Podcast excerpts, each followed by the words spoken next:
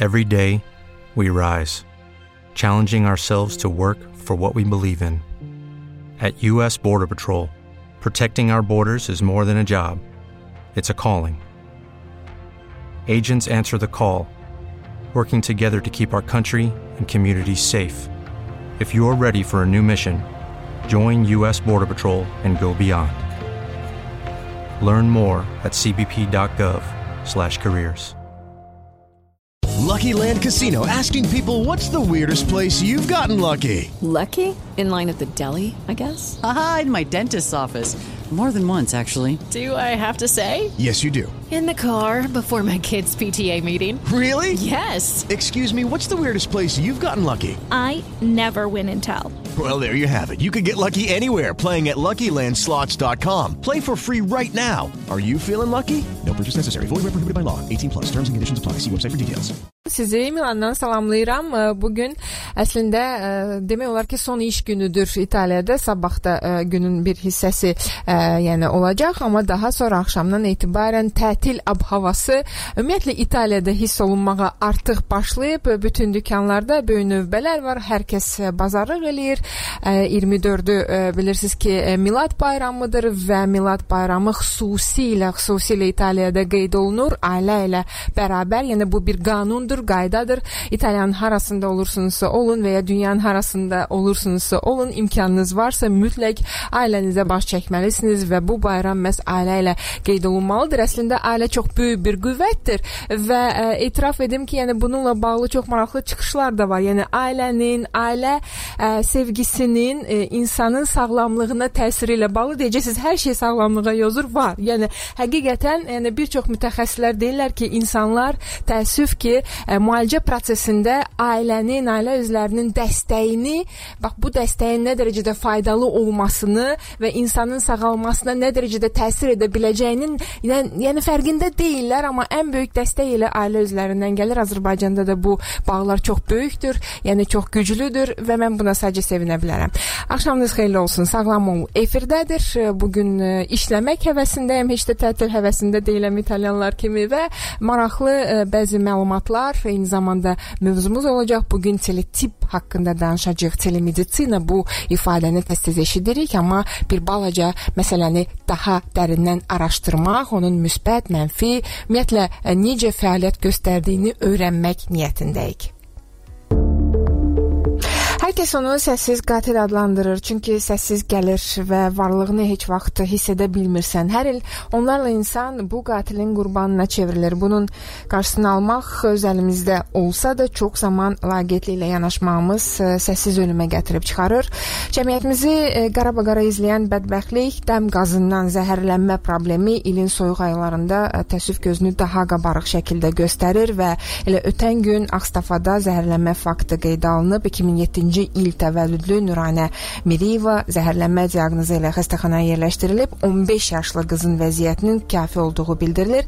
Məlumata görə yeniyetmə yaşadığı evdə dəm qazından zəhərlənib. Qaz təsərrüfatında təhlükəsizlik tələbələr, tələblərinin pozulması səbəbindən əhali arasında dəm qazından zəhərlənmə və boğulma halları baş verir. Təəssüf olsun ki, biz bu barədə periodik olaraq eşidirik və müəyyən olunub ki, bu cür hadisələrin əksəriyyəti yaşayış sahələrində müxtəlif növ məişət, qaz cihazlarının, o cümlədən su qızdırıcılarının quraşdırılması və istismarı zamanı vətəndaşlar tərəfindən texniki təhlükəsizlik və yanğın təhlükəsizliyi qaydalarının tələblərinə riayət edilməməsi səbəbindən yaranır.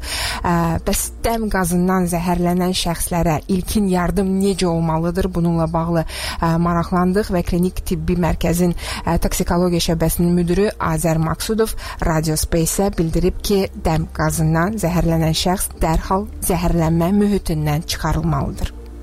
Əsasən ilkin tibbi yardım ondan ibarətdir ki, bu qapalı mühitdə olduğundan təmiz havaya çıxartmaq lazımdır.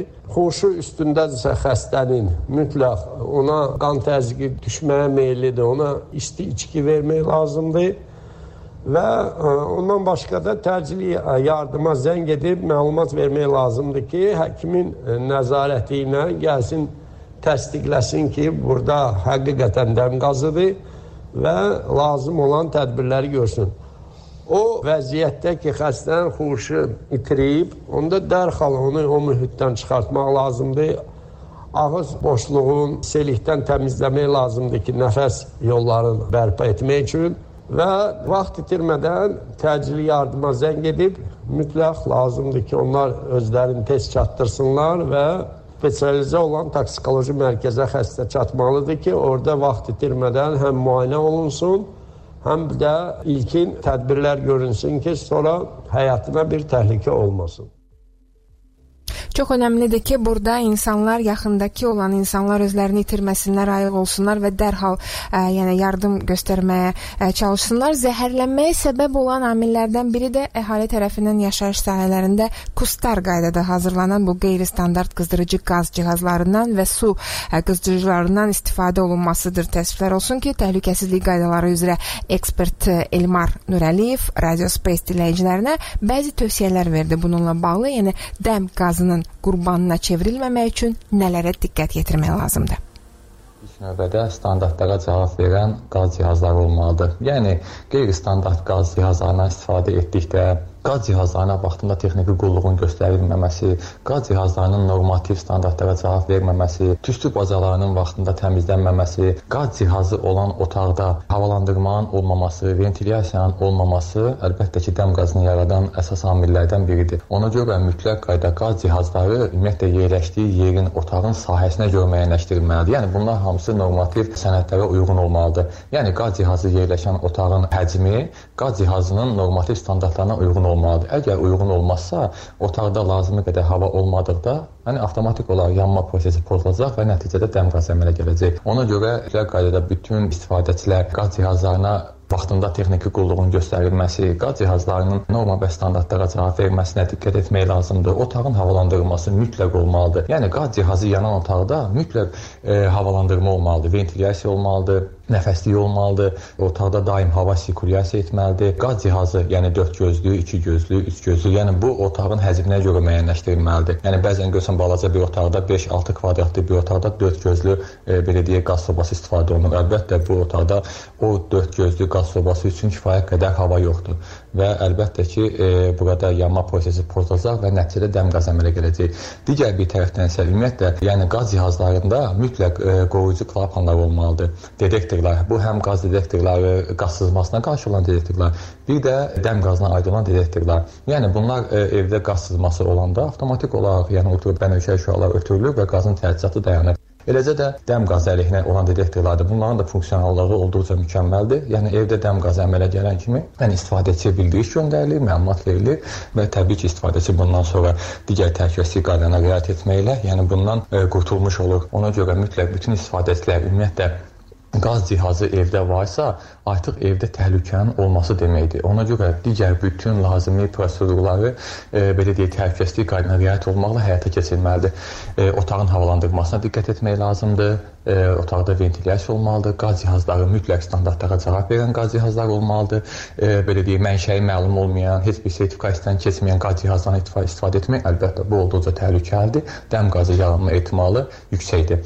E, daha sonra e, tüstü bacaları vaxtında təmizlənməlidir. Dəm qazı əsasən harada yaranır? Hamam otaqlarında. Niyə? Çünki hamam otaqları özünün belə deyək, e, normativləri var. Hamam otağının içində qaz cihazının olması bu təhlükəsizlik baxımından e, düzgün deyil. Amma əfsuslar olsun ki, bəzən hamam otaqlarının içində qaz cihazı olur və təbii ki, bu qaz cihazının tüstü bacası işlək vəziyyətdə olmur.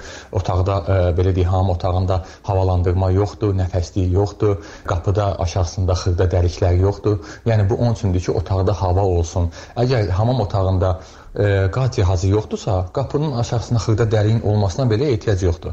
Yəni çünki e, içəridə qaz cihazı yoxdur, dəm qazı yaranma təhlükəsi e, belə deyil yoxdur.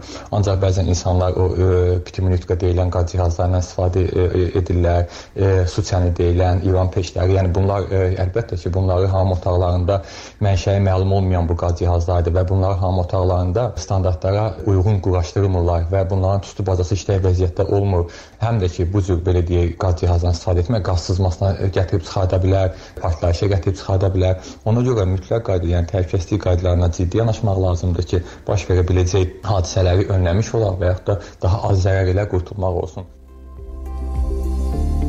Xüsusi təşəkkürümü bildirirəm. Çox dəyərli məlumatlar idi bu və insanlarımızın bir daha diqqətinə çatdırırıq ki, qaz sobalarından və qızdırıcı cihazlardan istifadə edərkən təhlükəsizlik qaydalarına ciddi riayət etmək lazımdır. Bunların fərqində olmaq lazımdır. Təşəkkürlər. Yəni bunu xüsusi vurğulamaq istədik. Teletip, telemeditsin, bax bu barədə son zamanlar çox eşidirik.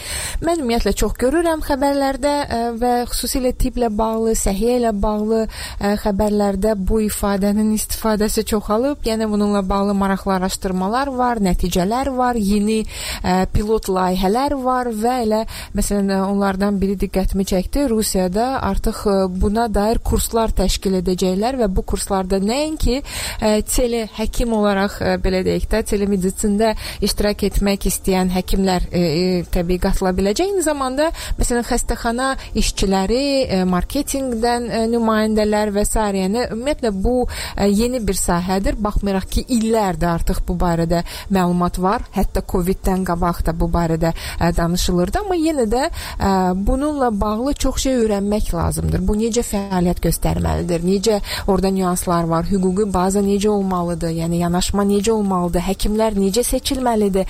Ə, söhbət ə, onlayn konsultasiyalardan, onlayn görüşlərdən gedir və elə telemeditsin barədə birazdan daha ətraflı danışacağıq. Amma hələlik sizə sual vermək istəyirəm. 0 5 255 0104 nömrəsi ixtiyarınızdadır dostlar və deyin görək həkim ə, onlayn müalicə edər? Yəni bax sadə bir sual. Sizcə onlayn müalicə etmək olar insanı? Bax bu ə, suala hal-hazırda 055 255 0104 nömrəsi artıq təcrübə var. Azərbaycanda da bu uzun müddətdir başlanılıb. İndi ə, video ə, zənglərdən deyə bilməyəcəm, amma ən azından WhatsApp yazışmalar kifayət qədər populyardır. Hətta o qədər bəzən həkimləri bezdirir ki, həkimlər məcbur olub ə, telefonlarını başqa insanlara həvalə edirlər ki, ən azından bax bu sorğu ə, sualda zaman itirməsinlər, çünki onların zamanı daha vacib işlərə sərf oluna bilər. Yəni təbii həkimin ə, ə, pasientin də sualları vacibdir deyə bilərsiniz ə, haqlı olaraq, amma bəzən ə, bu suallar ə, belə deyək də, yəni həddindən artıq çox olur və yersiz olur. Bunu da etiraf etmək lazımdır.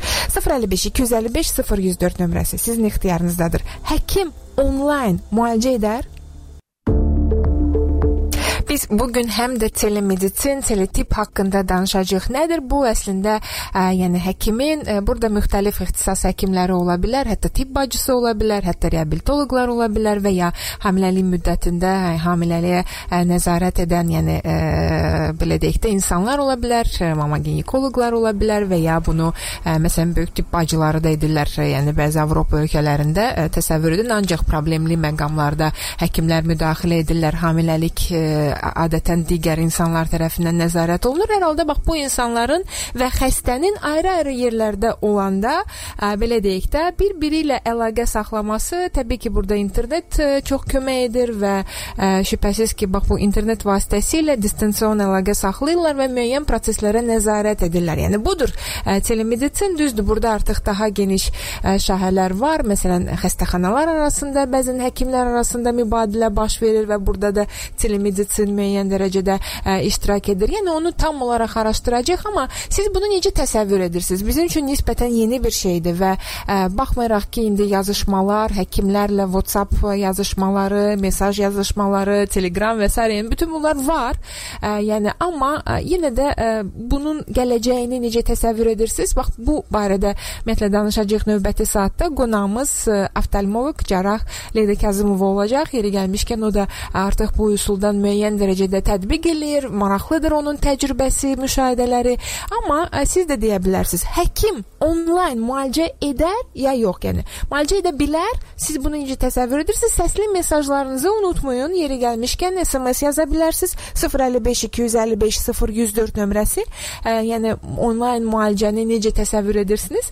Və eyni zamanda səsli mesajlar, yəni səsli mesaj, ə, e, yəni özünüzü təqdim edə bilərsiniz. Qısaca olaraq bax bu mesajı 055 255 0104 nömrəsinə yaza bilərsiniz hörmətli dinləyicilər. Mən isə istərdim hal-hazırda sizə ə, tip gündəliyini çatdırım və görə tip gündəliyində nələr var, hansı yeniliklər var. Tip gündəliyi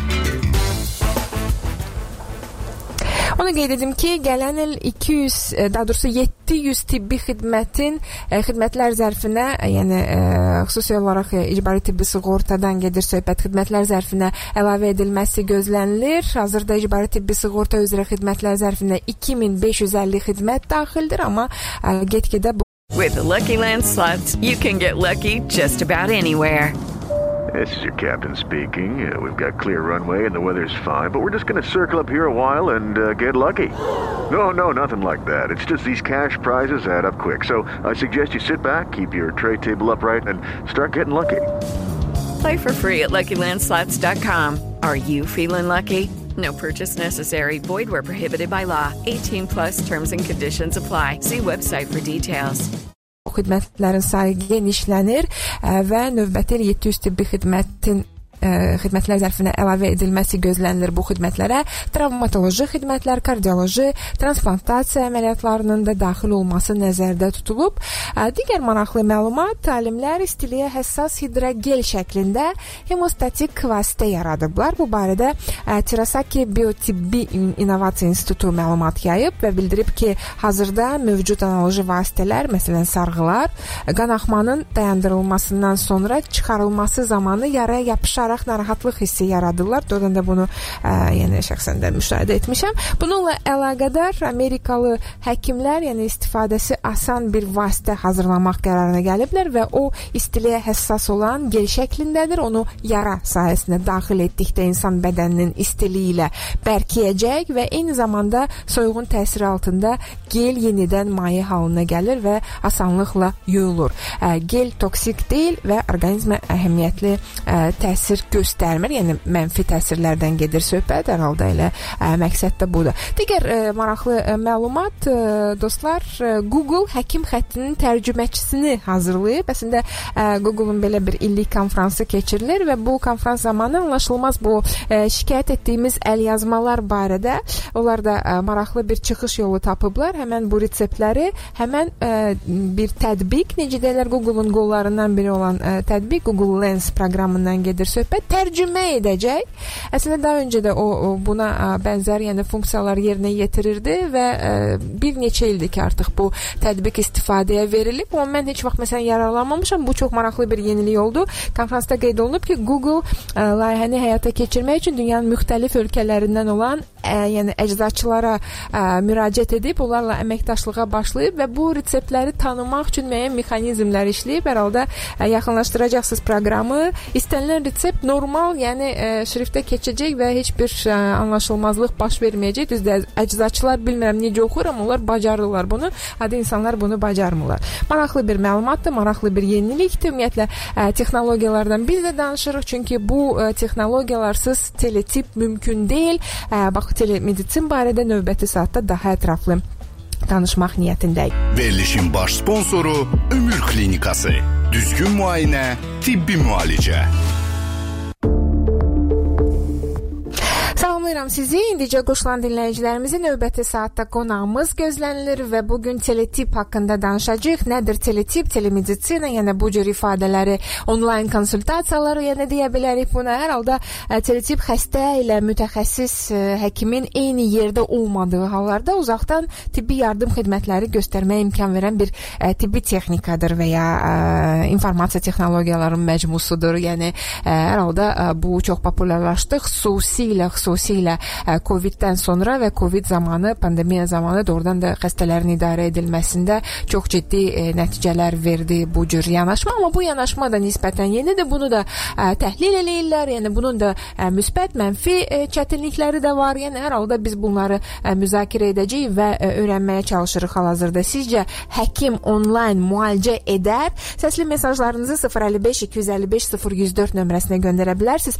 Bir mesaj var, mən istərdim ki, onu eşidək hal-hazırda və ə, e, dinləyicimizin bax bununla bağlı ə, e, münasibəti maraqlıdır. Salam. Mənim bir qızım var, 13 yaşı var, məktəblidir. Məktəbdə tez-tez virus tutur, xəstələnir. Əslində aparıb müayinə etdirmək daha yaxşıdır. Amma işlə əlaqədar ə, mümkün olmur bəzən. Mümkün olmadıqda onlayn yararlanırıq. Yəni artıq yararlanır dinləyicimiz belə başa düşürəm. Təşəkkürlər mesajınıza görə. Bilirsiniz, əslində bir çox ə, yəni ə, belə deyək də ə, məlumat ə, belə informasiya bazası var bununla bağlı fərqli-fərqli rəqəmlər var, amma məsələn deyirlər ki, 20-30% insan ə, vaxtına qənaət etmiş olur əgər ə, məhz onlayn vasitəsilə həkimlə ə, ünsiyyət qurur və bu ünsiyyət daha keyfiyyətli ola bilər, çünki artıq təhlil olunmuşdur və s. hər halda ə, işləyən insanlar üçün bu yaxşı bir çıxış yoludur. Bunu da ə, vurğulamaq lazım. Bir də xəstə uşağın mütəmadi olaraq xəstəxanaya getməsi də yaxşı bir hal deyil. Yeri gəlmişkən elə uşaqlar ə, telemeditsin, yəni bu iki ifadə arasında indi ciddi ə, yeniliklər baş verir. Çünki belə bir yanaşma var Avropada, yəni rəsmi bir yanaşmadır. Çalışırlar ki, xəstə uşaqlar daha az xəstəxanada qalsınlar. Elə bununla bağlı bunun üzərinə gedərək yeni pilot layihələrə başlanılıb. Bu pilotlardan biri də elə İtaliyada Milanda, Milan xəstəxanalarının birində ə, hal-hazırda davam etməkdədir. Bu barədə mən növbəti saatda sizə danışacağam. Və başlayaq bu gün e, telemeditsin. Əslində baxın, mən də Milandan qoşuluram və e, xüsusilə bunu vurğulamaq istəyirəm ki, görün indi internet vasitəsilə, Zoom vasitəsilə və ya digər e, təbii ki, alternativlər vasitəsilə hər şey mümkündür. Yəni e, əlaqə saxlamaq mümkündür və niyə də bu e, belə deyək də imkanlardan məhz tibbdə, müalicə prosesində e, e, belə də istifadə etməyək. Hər halda artıq illərdir bu barədə danışılır və e, biz istədik ki, e, insanlarımızın telemeditsin haqqında ümumi təsəvvürünü anlayaq. Az da olsa məlumat verin bizə 055 255 0104 nömrəsi sizin ixtiyarınızdadır. Qonağımız studiyadadır və mən onu salamlamaq istəyirəm. Cərrah oftalmoloq Leydi Kazımova. Xoş gəlmisiniz Leydi xanım. Təşəkkür edirəm. Salam Sevda xanım. Sizi görmək çox məni sevindirir. Necəsiniz? Çox sağ olun. Yə yəqin ki, ə, ümumiyyətlə siz bax bu cür ə, görüşlərə, xüsusilə pasiyentlərlə bu cür görüşlərə, onlayn görüşlərə çox alışıqsınız. Mən bildiyim qədər ə, artıq ə, bir müddətdir ki, siz də ə, telemeditsin ə, belə deyək də faydasından ə, istifadə edirsiniz, yararlanırsınız. Əlbəttə, insanlar ə, teletəbabəti ə, COVID-19 pandemiyasına bağlayırlar, amma elə deyil. Teletəbabət ə, daha ə, qocadır, daha yaşlıdır. Onun ə, öz tarixi var və əlbəttə ki, ə, dünyada onun tarixi daha çoxdur. Biz e, keçmiş SNQ ölkələrini 10 illik haqqında düşünürük, 15 il deyə bilərik. Azərbaycanda daha gəncdir. COVID-19 sadəcə bir təkan oldu, katalizator oldu və e, hansı ölkələr başlamaq istəyirdilərsə bir neçə il, amma bir təkan e, ehtiyacları var idi. Hər hansı bir problemlərə görə başlaya bilmirdilər. COVID-19 çox gözəl bir təkan oldu. Həm təkan oldu, amma bəzi ölkələrə bir düşünmək üçün mövzu oldu ki, buna ehtiyac var. Və qısa bir müddətdə çox aktual olan bir sahə oldu və indi də çox sürətli inkişaf edir. Doktor, mən istəyərdim ki, izah eləyək. Yəni teletəbabət, teletip, telemedisina, yəni müxtəlif adları var, amma əsas ə, belə deyək də bir məqsədi, bir məqsədi var, necə deyirlər. Bəli. Nədir bu? Bilməyənlər üçün qısaca, çox sadə dildə izah eləyək. Bu nədir ümumiyyətlə? Ə, gəliz başlasaq teletip, teletəbabət, telemedisina, bunun hamısı ə, insanın həkimlə və ya bunu da qeyd edim, həkimin həkimlə distansion məsafədən ə, zaman itirmədən, məsafə qət etmədən görüşüdür məsləhət üçün bir ehtiyacıdır və səhiyyənin e, səhiyyə sistemində hər hansı bir xidmətin təqdim etmək üçün bir e, telekörpüsüdür. Belə təqdim edim. İnsan öz evində hər hansı bir problemə görə, ola bilər ki, fiziki məhdudiyyəti var, ə, hamilədir, ağır keçirdiyi və ə, çox kəskin bir dövrdə olduğu bir xəstəlikdir, gedə bilmir, ucqar bir kənddə yerləşir və burada həkim azlığı var. Ə, bu zaman tiri təbabəti istifadə edə bilər. Amma burada biz gərək qeyd edək ki, rəqəmsal texnologiyaları istifadə edirik. Deməli, ən vacib şərt də ki, e, bu körpünü yaratmaq üçün bir texnologiya ehtiyac var. Əslində ə, bu gün hələlik ə, bunu telefonlar, yəni o telefonun kiçik monitorları əvəzləyir. Yəni əgər tətbiqindən danışsaq və bu nə dərəcədə doğrudur? Ə, məsələn, qərbdə təbii bunun artıq təchizatı barədə, təşkili barədə düşünülür böyük klinikalarda. Məsələn, biz bəzən şikayət edirik ki, adi qeydiyyat şöbəsində bəzən internet problemi olur. Yəni xəstəxanada və biz məlumat almaq üçün gözləməli oluruq. Yəni belə halda necə görürsüz ümumiyyətlə ə, Azərbaycanda məsələn bunun inkişafını, bunun gələcəyini ə, çoxmu zaman tələb olunacaq bu məsələləri həll etmək üçün? Əslində biz ə, qonşu ölkələrə baxıb bir misal götürməliyik və araşdıranda ə, son verdiyi məlumatı Ümumdünya Səhiyyə Təşkilatının belə bir məlumatı var idi. 20 min pasiyenti əhatə edən 53 ölkədə Avropa ə, qərargahı aparıb bu araşdırmanı. Ə, böyük bir araşdırmadır teletəbabət necə inkişaf edir və ən əsası onun üstünlüklərini hər kəs bilir, təsəvvür edə bilərik, amma ən vacib məqamı odur ki, nə mane olur onun inkişafına. Mane olan aspektlərdən ən vacib məqamlardan odur ki, ə, pasiyentlər ə, telefonlarla, texnologiyalarla dostluq etmirlər planşet, kompüter bir çox insanlar üçün ə, ə, açıq qalan bir mövzudur. Ə, hətta bəzi həkimlərə bunu şamil edə bilərik. Çox təəssüf, amma bu cürdür. Ə, pasiyentlərin ə, bir arzusu var. Həkimimi bilavasitə üz-üzə görüm. Ə, toxunum, hiss edim, məni dinləsin və gözlərində onun o səmimiyyətini hiss edim. Ə, televizor, ə, telefon bunu təşkil etmir.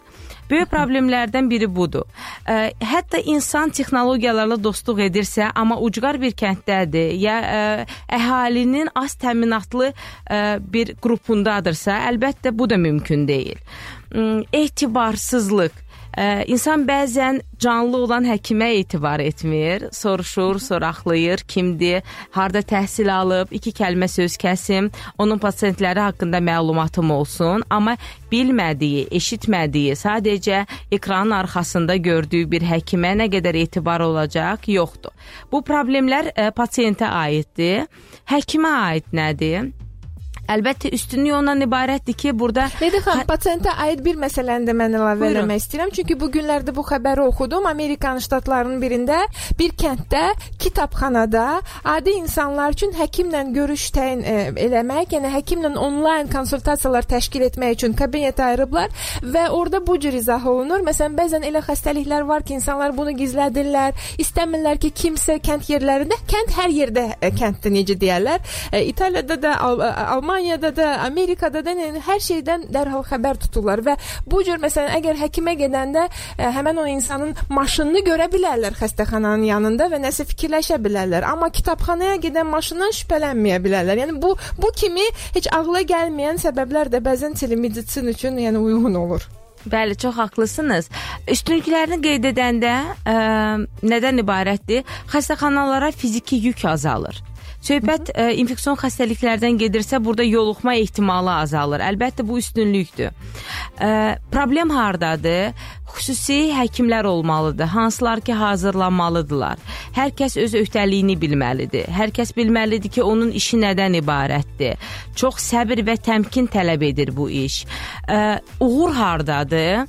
Deməli, tip yardımı almış amma uzun müddət müşahidə altında qalmalı olan xroniki xəstəliklərdən əziyyət çəkən xəstələrə aiddir və burada çox gözəl teletəbabətin ə, nəticələrini görə bilirik. İnsan ə, lazım olan müalicəni alıbdı, sadəcə müşahidəyə zaman lazımdır və bu müşahidə ə, dövründə həkimlə münasibət ə, saxlayır, zəng edir və yaxşıyam, pisəm, ümumi vəziyyətimi ə, siz qiymətləndirin. Həkimə də çox böyük əziyyət düşmür və bunu bir çox hətta inkişaf teletəbabətin inkişaf etməmiş ölkələrdə də bunu tətbiq etmək olar.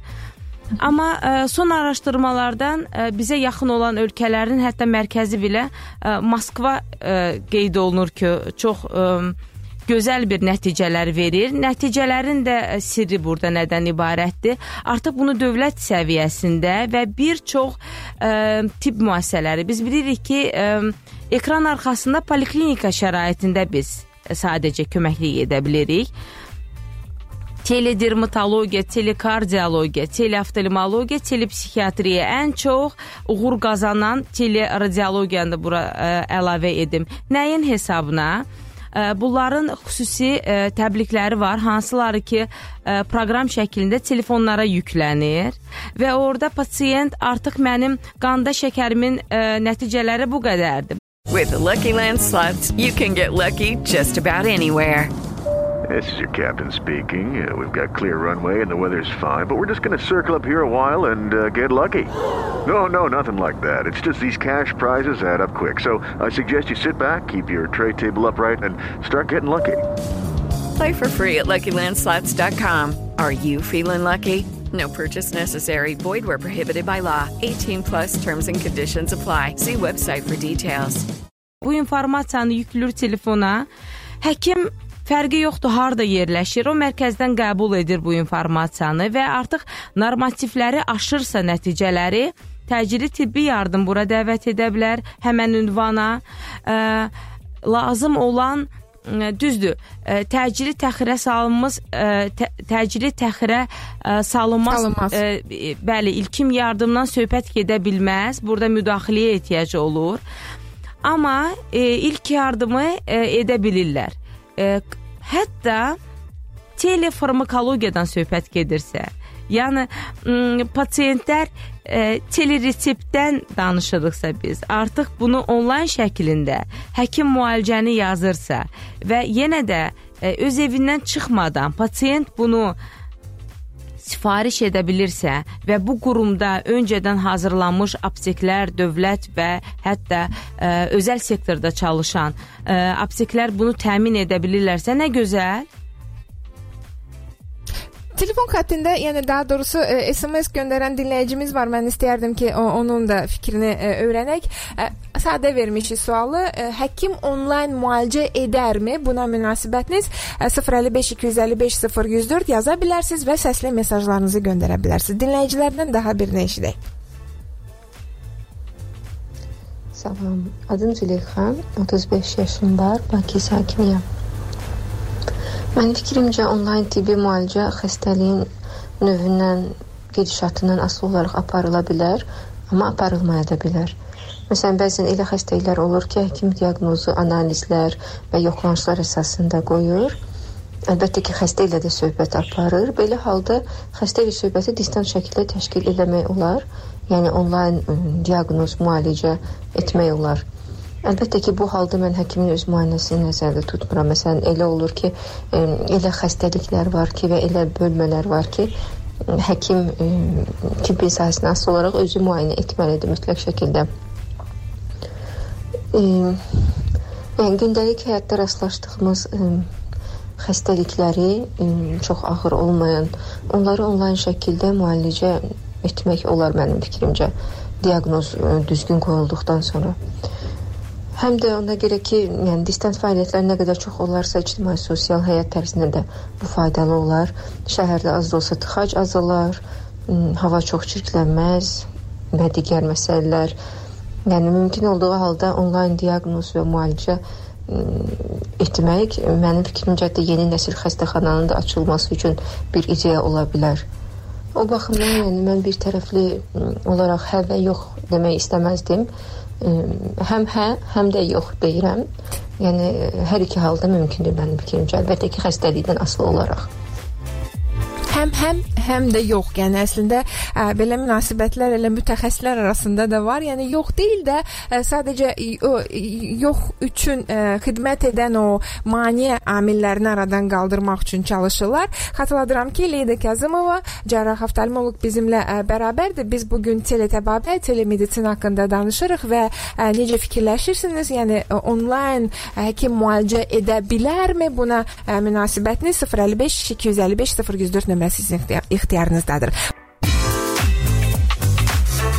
Salamlayıram hər birinizi və bu gün Sağlam Olda teletəbabət, teletip haqqında danışırıq. Yəni yeni e, nisbətən yeni bir e, belə deyək də e, yanaşmadır. Covid-də daha çox aktuallaşdı, amma əslində illərdir artıq Qərbdə də var, Azərbaycanda da bununla bağlı hətta yəni təkliflər müəyyən dərəcədə vardı və biz hal-hazırda daha bir ixtisas həkiminə müraciət etdik. Əslində xatırladıram ki, qonağımız Leyda xanım Kazımovadır. O cərrah oftalmoloqdur və oftalmoloq yəni öz işində bax bu ə, telemedisindən, teletəbabətdən necə ə, istifadə edir, necə yararlanır, bunu birazdan ə, Leyda xanım sizdən soruşacağam. Hələlik isə ə, istərdim ki, dosent qulaq burun boğaz cərrahı foniatr Ramil Həşimli ilə ə, bağlı, yəni ə, söhbətimizi sizə çatdırım. Ə, görək onun ə, bununla bağlı, bunun gələcəyi ilə bağlı fikirləri nədən ibarətdir.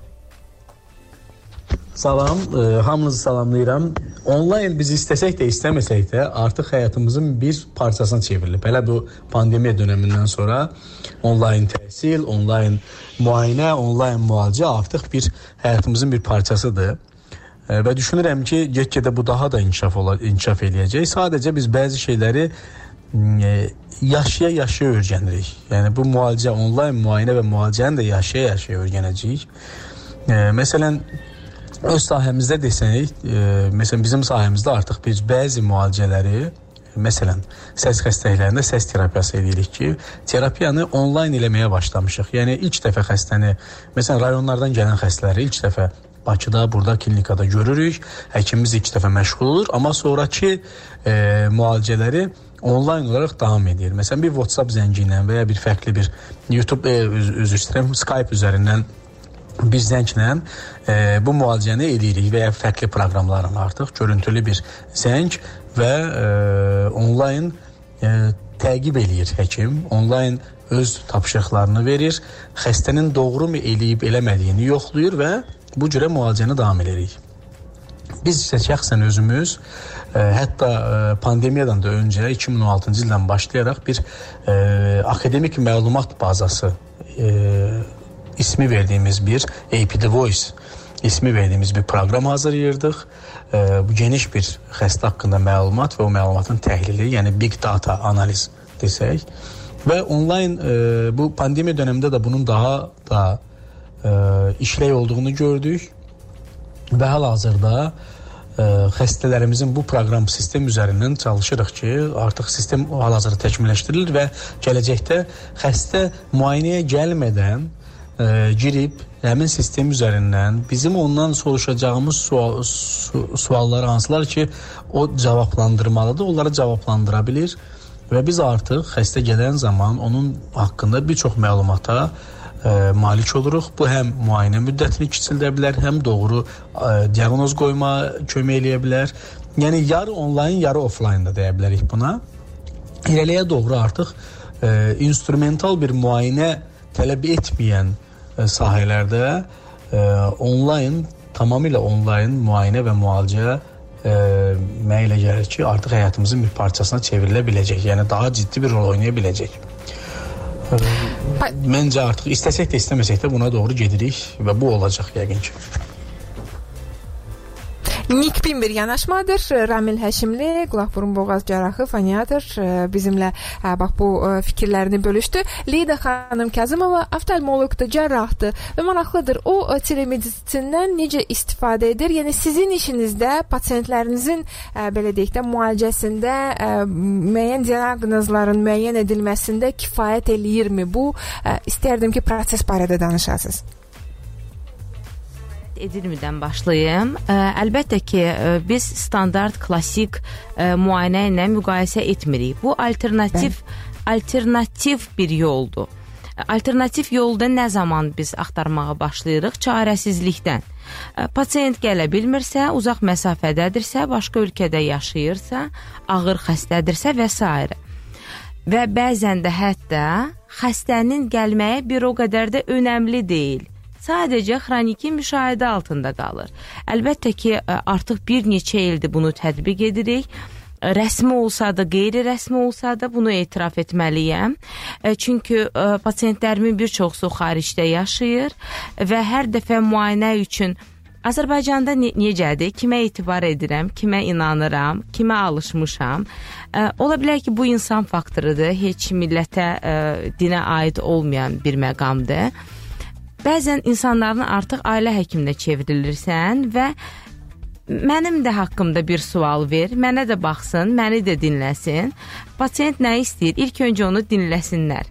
Bəzən ə, oftalmoloji problemi heç gözə aid olmur. Nevroloji aspekt olur, ə, altda yatan hər hansı bir rifah problemi olur. Bunu dinləmək lazımdır. Bunu məsafədən də əlbəttə etmək olar. Skype ə, görüntü ilə, WhatsApp adi zəng ilə elə hətta. Ya da ki, xəstələrin bir ə, zəng SMS-i göndərirlər və bunu diqqətlə dinləyəndə artıq bəzi məqamlar aydın olur. Necə deyirik? Əslində Bəli, sözünüzə dəstək olaraq bunu da vurğulamaq istəyirəm ki, yəni yeni təlimlər artıq hazırlayırlar telemedisinlə məşğul olan həkimlər və burada siz dediyiniz ə, həmin bu kriteriyalar çox əhəmilidir. Yəni pasientlə danışmaq, pasiyenti dinləmək, ə, bacarıqları, səbri və s. xüsusilə tələb olunur bu işlə məşğul olan həkimlərdən. Sevda xanım, tibb ə, inkişaf edir və biz bu avadanlıqlara çox alışırıq, onları çox sevirik. Nəyə görə? Konveyer üsulu bizə təşkil edir. Pasient elementləri qısa bir müddətdə hamısını yoxlayıb qəbul edə bilirik. Amma individual yanaşmanı heç kim unutmayıbdı və onun üstünlüklərini hər zaman qeyd etmək lazımdır. Necə ki bu avadanlıqların az olduğu bir müddətdə Hətta bunu qeyd etmək istəyirəm. Bir neçə gün sonra oftalmologiya kafedrasının 100 illiyini qeyd edirik. Artıq 100 ildir ki, oftalmologiya kafedrası mövcuddur. Bu gün əlbəttə ki, oftalmoloji avadanlıqlar çox gözəldir, dünya səviyyəsi ilə birə-birdir. Amma öncədən yaxşı oftalmoloq yox idimu? Var idi əlbəttə. Amma eyni cihazlarla çalışırdımı? Yox. Deməli pasiyenti ə, təxminən də olsa onun görməsini ə, görməsi haqqında informasiya olsun deyən sadəcə müşahidə etmək, bunu Skype-la da etmək olar. Gəzdirmək otaqda, siz gəzin, mən baxım. Necə gəzir? Ə, mərkəzi görməsi varmı?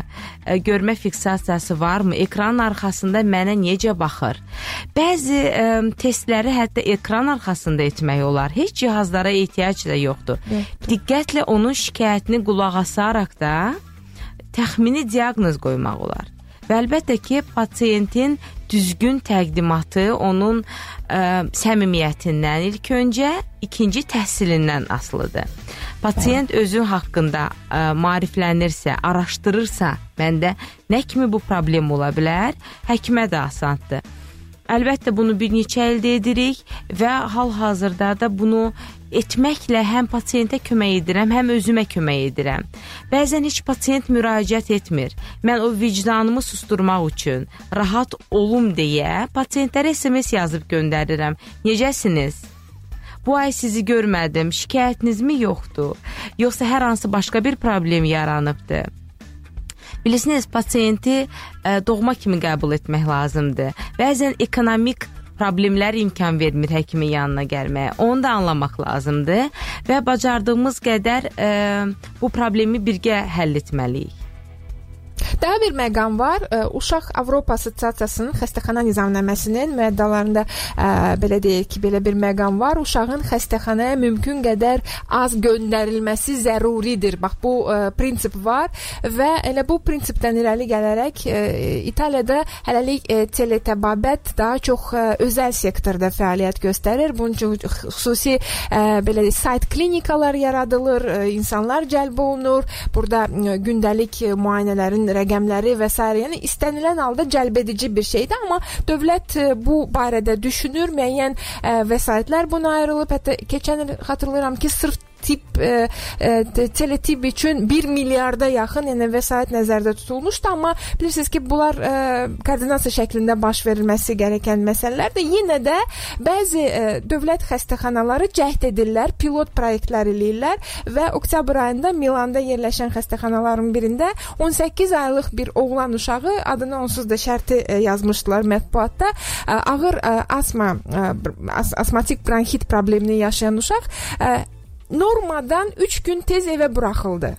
Ə, əslində daha çox qalmalı idi xəstəxanada və o 3 günü tamamilə internet vasitəsilə onun evi ilə əlaqə saxladılar. Yəni burada ə, şəbəkənin ə, belə deyək, bütün problemlərini və itəlidə internet də bəzən problemli olur. Yəni aradan qaldırdılar və kifayət qədər yaxşı müşahidələr etdilər. Anası ilə ünsiyyətdə oldular. Nəyə görə bunu sizə deyirəm xüsusi olaraq? Mən bilirəm ki, siz həm də yeni doğulmuş ə, uşaqların ə, müayinəsi ilə məşğulsunuz. Vaxtından əvvəl doğulmuş uşaqlarda isə ümumiyyətlə ə, ciddi bəzən ə, risklər olur, problemlər olur ə, görməsində.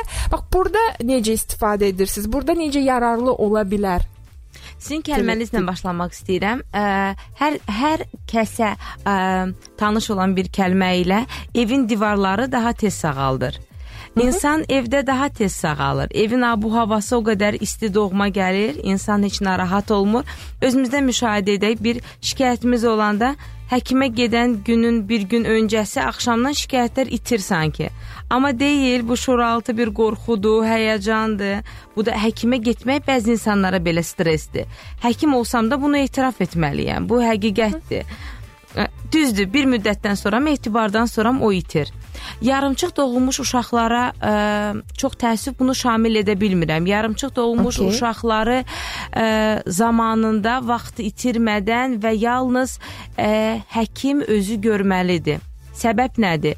Burada gözün ön hissəsini müşahidə etmirik. Burada gözün arxa segmentini müşahidə edirik və bunun üçün özəl ixtisaslaşmış həkimə ehtiyac var, özəl avadanlıqlara ehtiyac var və müayinə fərqli olur.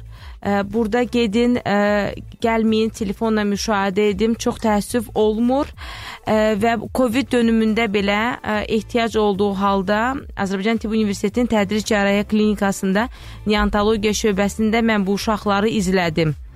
Covid-dən əziyyət çəkirdilər, 3 körpə var idi və zamanında protokol üzrə hamısını bir-bir müşahidə etdim ki, ən azı ə, vaxtdan tez doğmuşların retinopatiyası olmasın.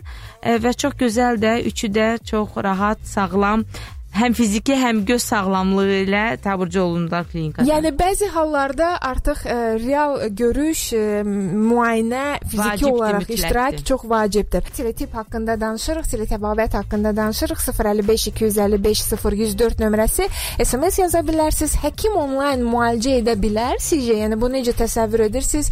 Ə, bu sizin xoşunuza gəlirmi? Ə, burada müsbət məqamlar varmı, yoxsa əksinə bütün fikirlərinizi bizə 055 255 0 0104 nömrəsinə yaza bilərsiniz və ya səsli mesaj göndərə bilərsiniz. Qonağımız cərrah oftalmoloq Leyla Kazımovadır və yeri gəlmişkən hal-hazırda daha bir ə, yəni ə, istəyərdim ki, ə, şəxsən özüm ə, müraciətimi ə, hal-hazırda reallaşdırım. Yəni ə, bizim ə, kolleqamız jurnalist Aygün Əliyeva o ə, İspaniyada yaşayır və yeri gəlmişkən ə, İspaniyada da Covid zamanı ə, bax bu ə, məsələ aktuallaşdı, amma ümumi xidmət nədən ibarətdir? Razıdırmı? Orada oradakıları qane edirmi? E, teletipdə fəaliyyət göstərən həkimlər gəlin qulaq asaq. Dünyada COVID-19 ilə bağlı ə, e, yaranmış pandemiya bilirsiniz ki, ən çox ə, e, İtaliyanı və İspaniyanı vurmuşdu və İspaniya səhiyyəsi pandemiya dövründə xəstələrin ə, xəstəxanaya fiziki olaraq axın etməsinin qarşısını almaq üçün, yəni COVID olmayan xəstələrdən geri söhbət təbii ki, ə, onlayn konsultasiyalara, onlayn məsləhətləşmələrə keçdi. Ə, mənim ə, İspaniyada ə, özəl sığortam var idi və özəl sığortanın telefon əpi var idi. Onu yüklə, yükləməli idim, yüklədim və həmin əp vasitəsilə ə, həkimlərlə virtual görüşlər almaq olardı. Ə, deyim ki, bu həm ə, yaxşı idi, həm də pis idi. Nə mənada? İndi sizə izah eləyəcəm onu da. Ə, təbii ki, virtual görüş almaq həmişə sənin həmin həkimlə görüşüvü daha rah rahatlaşdırır və təbii ki, nəzərə alsaq ki, e, pandemiya dövrü idi, çox küçəyə çıxmaq istəmirdik, hamımız qorxurduq. E, və mən e, belə virtual görüşlərdən 2 dəfə həkim virtual qəbulda olmuşam. Birində deməli kardioloji bir problem idi. Digərində isə mənim deməli çoxdandır, illərdir məni narahat edən e, onurğa sütunundakı e, bizim xalq nə desək qrıja problemi idi. Və hər ikisində həkimlə danışmışam. Nə dərəcədə bunun ə, köməyi olur? Belə deyim sizə ki, əslində ə, bunun elə də bir köməyi olmur. Təxminən bilirsiniz bu nəyə oxşuyur? Ə, yəni mən belə düşünürəm. Təxminən bu nəyə oxşuyur? Tanış bir həkim görürsən, deyirsən ki, ay həkim, mənim belim ağrıyır. O da sənə havadan bir ə, müalicə yazır. Olsa da olar, olmasa da olmaz. Yəni ə, xeyri yoxdursa ziyanı da yoxdur prinsipi ilə bir müalicə yazır. Ə, təbii ki, bu ə, özünü nə dərəcə doğrulda bilərdi ki, yəqin ki, bunu İspan səhiyyəsi də anladı və yaxud da elə kardioloji olsun. Yəni son nəticədə ə, bütün diaqnozları qoymaq üçün aparat ə, müayinəsindən keçmək lazımdır və onun üçün sən mütləq xəstəxanaya getməlisən. Ona görə də mən hesab edirəm ki, teletip dediyimiz, yəni bu virtual həkimlərlə virtual əlaqələr ancaq çox məhdud sayda xəstəlikdə özünü göstərə bilər. Məsələn, həkim səni zaten tanıyır, sən onsuz da bu həkimin xəstəsisən və rutin müayinə dediyimiz bir şey var da. Yəni tutaq ki, mən əməliyyat olunmuşdum 2 il əvvəl. Eyni həkimlə hər 6 aydan bir görüşürdüm. Və növbəti 6 ayı onunla ancaq onlayn görüşüb, yəni ağrımıram, ağrıyıram, o da mənə bir ə, hər hansı bir ə, dərmanı yazır və İslam qutardı getdi. Amma normal əgər konkret bir yerin ağrıyırsa, hesab edirəm ki, virtual ə, həkim ə, elə də kömək etmir insana. Yəni mütləq fiziki yoxlama məqbul, ə, məcburidir. Artıq İspaniyada ə, bu məsələ öz əvvəlki axarına qayıtmışdır. Amma sizə bir söz deyim ki, İspan xalqının ruhu deyilən bir şey var. Təbii ki, onlar ə, və həkimlər də virtual ə, müayinənin uzun müddət sürməyini istəyərdilər. Çünki onlar üçün bu çox rahat idi. Xəstəni görmədən 5 dəqiqəyə diaqnoz qoyurdular. Amma mən hesab edirəm ki, bu o qədər də ə, yaxşı bir təcrübə deyil. Bax belə bir təcrübə barədə İspaniyada almış ə, soydaşımız, ə, kolleqamız, jurnalist Əgün ə, Əliyeva bizə danışdı. Doktor xanım. Ə, yəni ə, haqlı yerə ə, belə deyək də bəzi iradlar var, amma bir şey xüsusi yəqin ki siz də vurğulayardınız ki, ə, telemeditsin, yəni ə, ilkin ə, diaqnoz ə, qoymur, ə, diaqnoz qoyulduqdan sonra müalicə prosesinə dəstəkdir. Düzdürmü?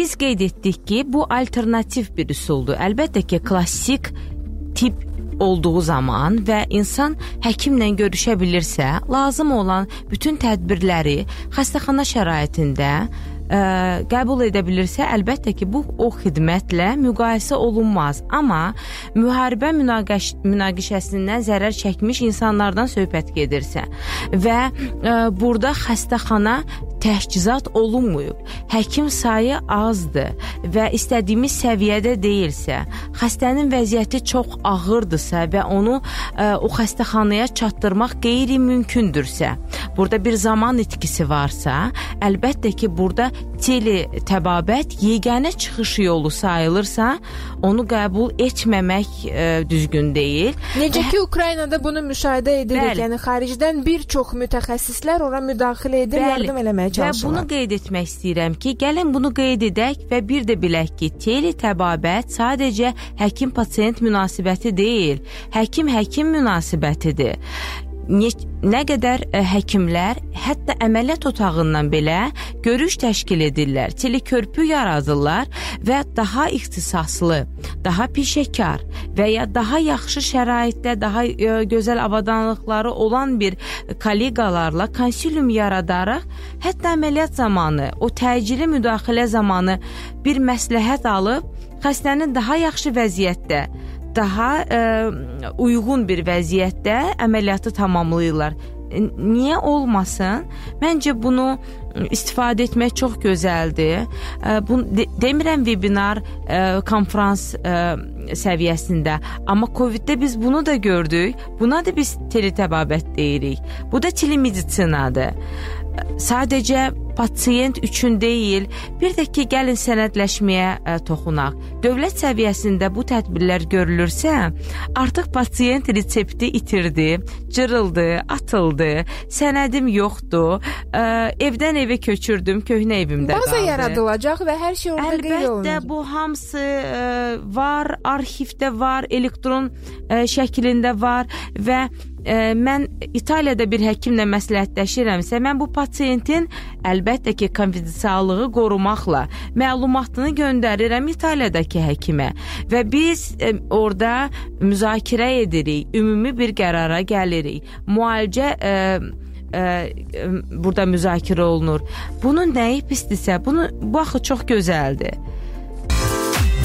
Teletəbabətdən danışırıq və xüsusilə yəni xəstəyə uzaqdan nəzarət etmək, müalicə prosesində dəstək olmaq, maraqlanmaq, hər halda ə, bunları nəzərdə tuturuq və onlayn konsultasiyalardan danışdıq. Yəni düşündük ki, ilkin olaraq təbii ki, fiziki ə, görüşdə iştirak etmək çox əhəmilidir, amma elə hallar var ki, məsələn, birinci telefonla, adi telefonla, adi şəkil göndərməklə ə, problemi ə, artıq müəyyən etmək və müəyyən müalicə planı təşkil eləmək mümkündür mümkündür. Bax bu bəz bəzən kosmetoloqların işində baş verir. Yəni ən çox onlar ə, görürlər bu dəridə olan problemləri, şikayətləri və mən istərdim ki, daha bir fikir öyrənək. Kosmetoloq doktor Sevda Bayramova ə, görək bu məsələyə necə münasibət bəslədi. Eşidirik.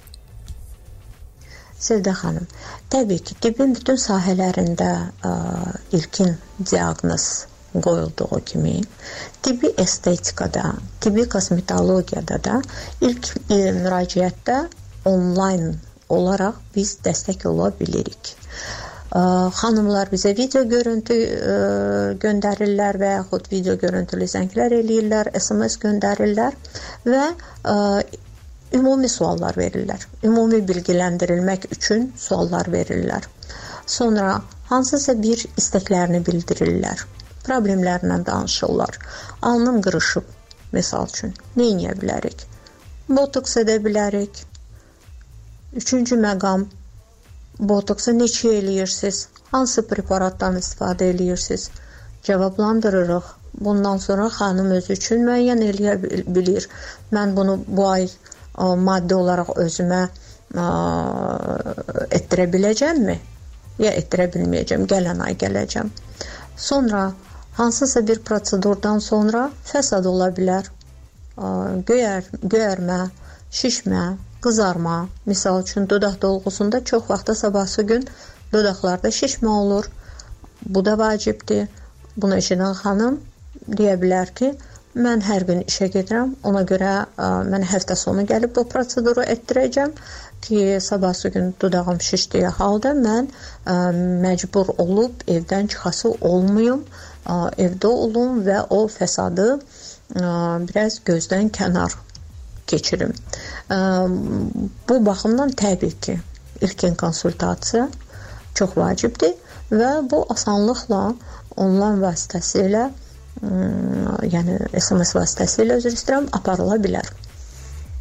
Bu Sevda Bayramova idi. Həkim kosmetoloq və kosmetologiyada ilkin bax belə onlayn konsultasiyaların ə, e, əslində ə, e, faydası da ola bilər. Leyla xanım Kazımova, oftalmoloq cərrah bizimlə ə, e, bərabərdir. Doktor, son olaraq çox qısa olaraq bir sizin səmimi fikrinizi öyrənmək istəyirəm. Ə, İtaliyada belə bir ə, statistika var. Ə, bir il, ə, keçən il məsələn 30% həkimlərin telemedisinə qarşı idi. İstəmirdilər bu prosesdə iştirak etməyə, heç həvəs də göstərmirdilər. Amma bir ildə vəziyyət çox dəyişdi keçdi və bu faiz ə, e, düşdü aşağı.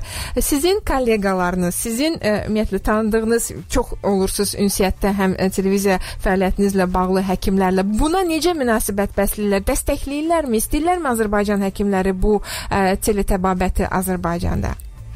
Yeni hər bir şeyə insan biraz ehtiyatla yanaşır. Ee, öncəki kollega çox gözəl qeyd etdi ki, yeni bir şeyləri bilmək lazımdır və e, bunun məsafəsi nə qədər olacaq? Necə əhatə olunacaq, qaydalar hansı olacaq? Məncə bundan çəkinib e, bəzən istəmirik deyirlər, amma istəsək də istəməsək də hamımız bunun içindəyik.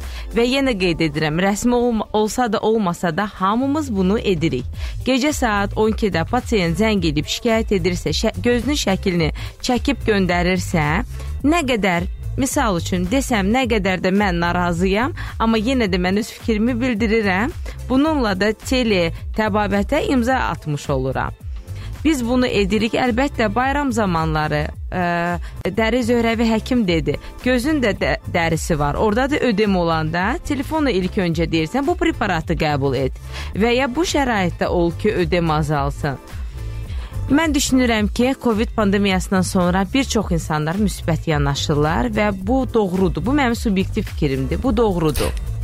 Minnətdaram sizə bu fikrinizə görə və hər e, yəni faydası varsa və o yerdə inkişaf varsa, bunu ancaq arzulamaq olar. Yəni təbii ki, bu inkişaf prosesində çox ə, problemlər də üzə çıxacaq, amma ümid edirəm ki, onların da qarşısı alınacaq. Təşəkkürlər Leyla xanım Kazımova, oftalmoloq cərrah bizimlə bərabər idi. Minnətdaram sizə dostlar, çox sağ olun vaxt ayırdığınız üçün.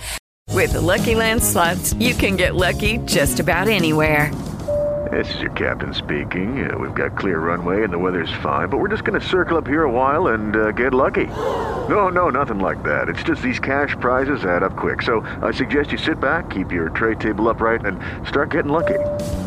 Play for free at LuckyLandSlots.com. Are you feeling lucky? No purchase necessary. Void where prohibited by law. 18 plus terms and conditions apply. See website for details.